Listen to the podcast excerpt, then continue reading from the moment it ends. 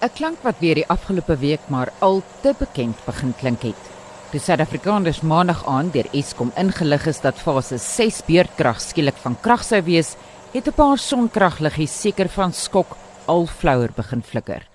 Vir Ronel Pieterse, die eienaar en bestuurder van die Mondor Swartberg Hotel op Prins Albert, is dit op die oomblik 'n reuse uitdaging om haar liggie steeds helder te laat skyn vir haar gaste. Ons is die enigste hotel in die dorp. Ons is 'n vier-ster hotel wat alles van swembad deur tot onder drie genders, tot ons konferensiefasiliteit lewer ons die beste.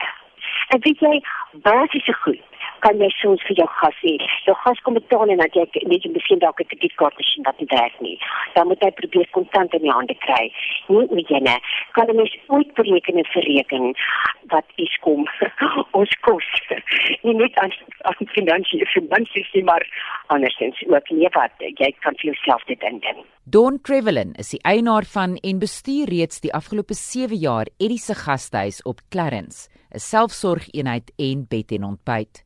Hierdie tyd van die jaar is sy reeds maande vooruit bespreek, sê sy, en haar gaste raak morrig met wat op die oomblik aan die gang is. Daar's 'n skedule en ons kommunikeer dit aan die gaste en ons sê vir hulle volgens hierdie skedule sal daar geen elektrisiteit wees as julle met julle planne aanpas dien ooreenkomstig. En die volgende is dan hou hulle glad nie by die skedule nie en dit maak die gaste geweldig geweldig ongelukkig.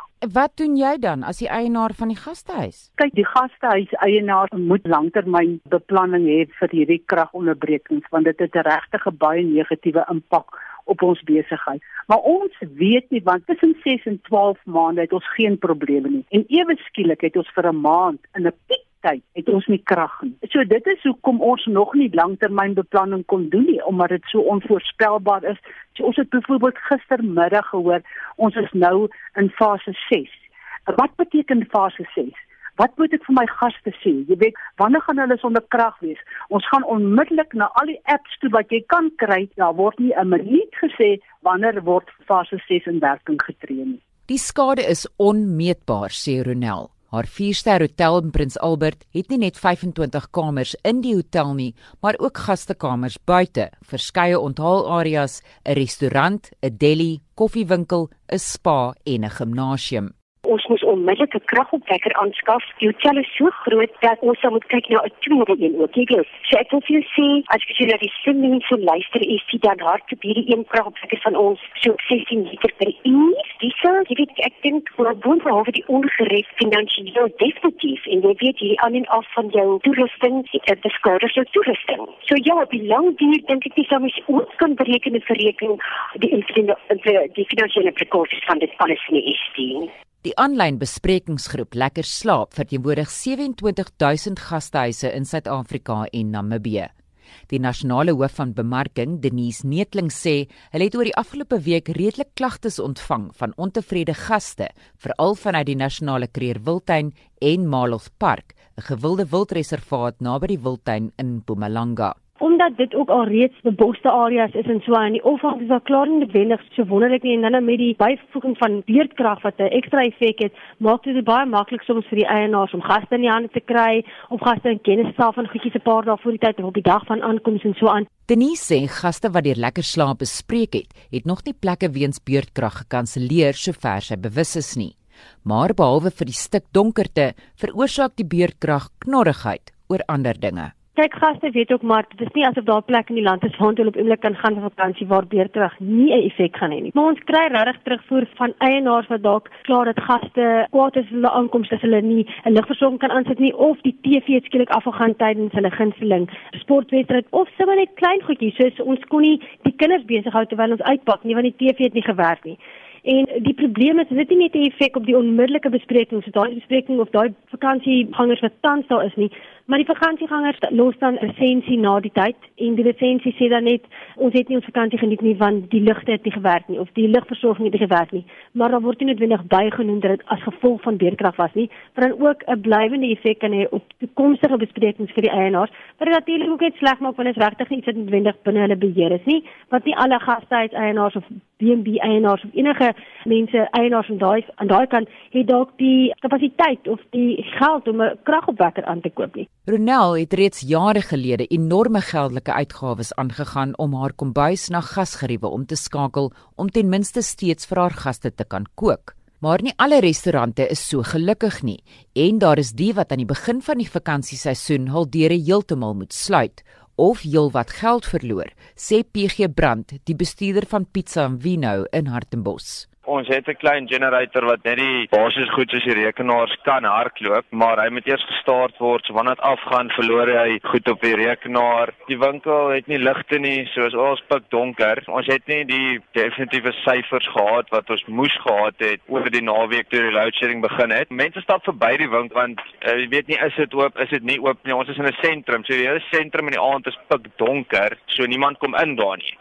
PG, net soos ander besigheidseienaars, sê die aanhoudende aan- en afskakel van die krag laat die elektriese toestelle ingee. Die een yskas maak nou glad nie koud nie. Die van die altyd aan en af. Ons diepvries temperatuur word nie gehou nie. So ons voorraad ontdooi, voorraad vries ontdooi. Ons het nog geen skade gelukkig op dit nie, maar as dit al hoe meer gaan moet gebeur deur die week, gaan ons definitief baie meer skade op hê. Ons het ook nou 'n R15000 se UPS wat voorstel was om nou net die backup te wees vir die rekenaars wat ons moes vervang want elke keer as die volts weer deurkom en dit lyk my dit hom geblaas. Ronel sê dit is ook nie net die tekort aan elektrisiteit waar die frustrasies eindig nie, want wanneer daar nie elektrisiteit is nie, is daar in kleiner dorpe dikwels ook nie water nie.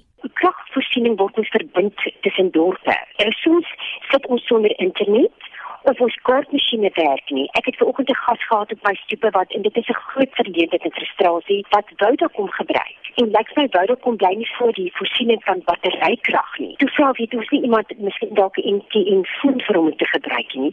Ons het met 'n gas by kom weet en sê hoorie so ek gaan nie my voorgebruik dis basiese dinge. Hulle pomp water met krag in damme en dan het ons ook ons 'n wonderlike en unieke kanaalstelsel in Prins Albert. So as al die water in die damme is, kan dit nie vloei tot in ons opgaar dan byvoorbeeld by hotel deur die kanale nie. So ons het al hierdie week geen watervoorsyne gehad nie om van water nie eers te praat nie. Haar frustrasie, sê Don, is dat Eskom dit vir haar uiters moeilik maak om haar gastehuis te bedryf omdat die kragreë so 'n onstabiele diensverskaffer is. Elektrisiteit is 'n primêre diens. Dis nie soos koeldrank wat nie beskikbaar is nie. So dit maak dit vir my onmoontlik. Ek sit met ongelukkige gaste. Ek sit met gaste wat nie kan hulle etes voorberei wanneer hulle wil nie en met wisselende kommunikasie boodskappe van my. Dan sê ek so en hulle is ongelukkig met my. Hoe meer ek vir hulle sê maar dis Eskom die diensverskaffer, hulle verwag van my dat ek vir hulle 100% moet voorsien in wat hulle nodig het. Don laat dit vir jou voel asof jy half onbetroubaar voorkom. Ja, nee, bietjie heeltemal onbetroubaar en jy moet onthou as 'n mens met vakansie is, hulle kom om te ons uh, hulle wil nie hier hoor maar hier is die krag nie, hier is dit. Die buitelanders kyk my of ek van 'n planeet afkom as ek vir hulle sê, maar dis die diensverskaffer, it's a governmental organisation that doesn't provide hulle kyk of wat gaan aan met my. Jy weet, ek kan dit nie verstaan nie, 'n baie swak beeld van die land. Don sê sy het besigheid verloor. Sy sê Eskom moet hulle sokkies optrek en basta met hulle verskonings. Hulle moet eenvoudig in ag neem dat besighede deur die kragreëse tekort aan beplanning geraak word. PG sê hierdie is restaurante veral aan die kus se besigste tyd van die jaar en hulle sal reuse verliese ly as beurtkrag gaan voortduur ons het meer stok in die yskaste. Dis die tyd wanneer die hele omgewing daarby baat en wat ons kan skep. En nou lê onder. En ons is gelukkig. Ons het 'n klein generatortjie. Hier's plekke om ons in dieselfde sentrum wat nie generatortjies het wat moet toe wees op daai tydperk. Denise raai aan gaste moet maar ekstra kersse en lampe inpak en sê vakansiehuiseienaars moet hul gaste in kennis stel van die beurtkrag in daardie areas Don meen egter hierdie situasie gaan internasionale toeriste keer om Suid-Afrika te besoek. As ons wil toerisme trek aan na Suid-Afrika, sal hierdie ding regtig baie herstel moet word en ons praat van 100% herstel moet word. Daar sal definitief baie beter bestuur moet word, beter kommunikasie met die land se hele bedryf moet geskied. Ons kan nie leef so nie. Ek is Estie de Klerk vir SAK nuus.